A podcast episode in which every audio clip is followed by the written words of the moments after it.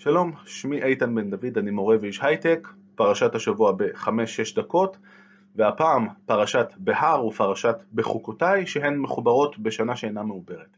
פרשת בהר מתחילה כשאנחנו עדיין בהר סיני, ודנים קודם כל במצוות השמיטה.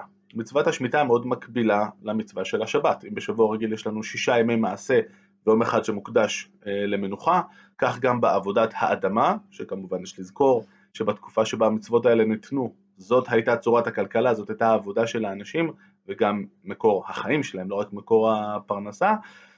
שש שנים עובדים, זורים את השדה וכולי, ובשנה השביעית אנחנו נשענים אחורה, שותים מרגריטה, ובגדול רואים איך כל העבודה שהשקענו, בגדול, כמו שיודע כל מי שניסה לגדל איזה בוגנביליה בחצר, תוך שנייה כל העשבים השוטים משתלטים לך על הגינה ואתה מרגיש די אבוד.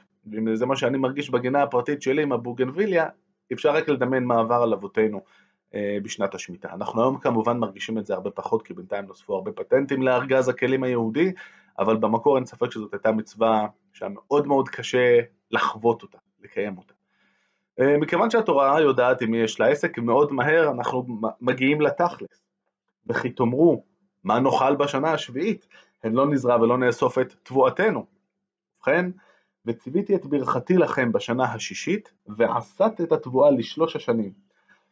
זאת אומרת, בשנה השישית תהיה איזושהי ברכה מיוחדת שתעזור לנו, העסק יספיק לנו אה, גם לכסות את השנה השביעית וגם את, ה, את, ה, את, ה, את, ה, את החוסר שיהיה בשנה השמינית. בעצם צריך שהשנה השישית תספיק בסופו של דבר לשלוש שנים.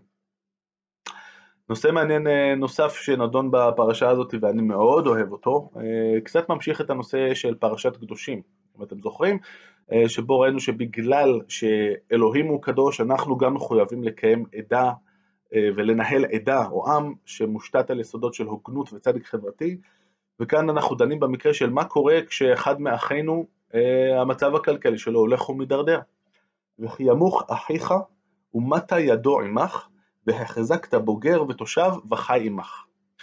זאת אומרת, גם אם הוא מידרדר, הוא עדיין אחד מהאחים שלך, אתה צריך להחזיק אותו. יכול להיות שהמעמד שלו קצת יידרדר, אבל אתה צריך להחזיק אותו ואתה צריך לתמוך בו, הוא צריך לחיות עמך.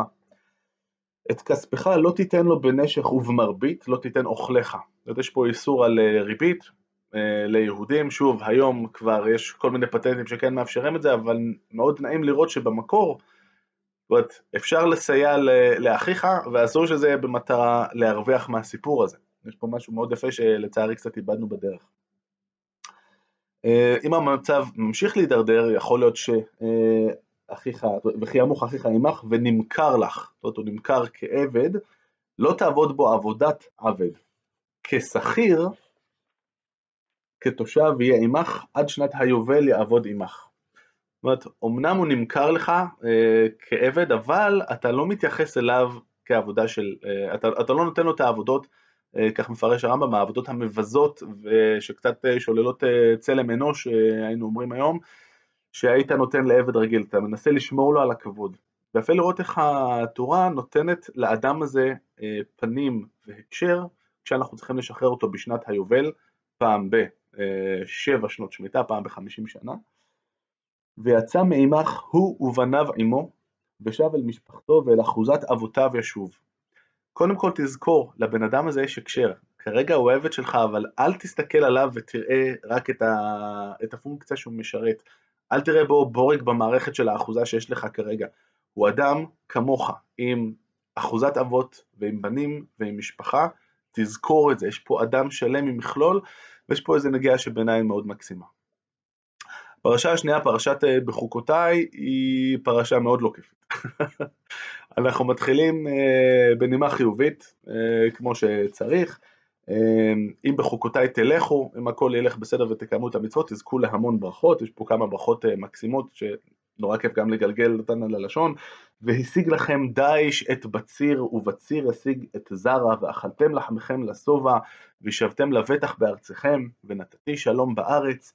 ושכבתם בעין מחרית וכולי וכולי, באמת מקסים, אה, אבל כמו שיודע כל מי שעבר אה, טירונות בצה"ל, יש לנו אבל, ולכל שבת יש מוצאי שבת, ומה שקורה אם אנחנו לא נלך בחוק, אה, בחוקותיו של אלוהים, חבל על הזמן. זאת אומרת, יש פה סדרה של קללות באמת מזעזעות לחלוטין. נהוג אגב בקריאת התורה בשבתות, בדרך כלל מי שעומד וקורא את התורה קורא נורא חזק כדי שכל אחד בכל פינה יוכל לשמוע וכאן את הקטעים האלה של הקללות, תמיד מי שקורא מנמיך מאוד מאוד את הכל ומדבר נורא נורא חלש ונורא נורא מהר, בואו רק נגמור את החלק הזה. ויפה לראות איך השפה העברית, כמו כל שפה שמית באזור, כשמדובר על קללות, וואלה יצירתיות, זה נשמע נורא לירי. והפקדתי עליכם בהלה את השחפת ואת הקדחת, מחלות עיניים ומדיבות נפש, וזרעתם לריק זרעכם, ואכלו אויביכם. בחרתי פה כמה קללות באמת בקטנה, יש פה קללות באמת איומות ונוראות, וכשמסתכלים על ההיסטוריה היהודית לאורך השנים, השנים כנראה שאין קללה שנמצאת כאן, כולל באמת הנוראות ביותר, שלצערנו לא התקיימה. עד כאן פרשת השבוע, לסרטונים נוספים ולתיאום הרצאות, אפשר להקליק כאן, שבת שלום.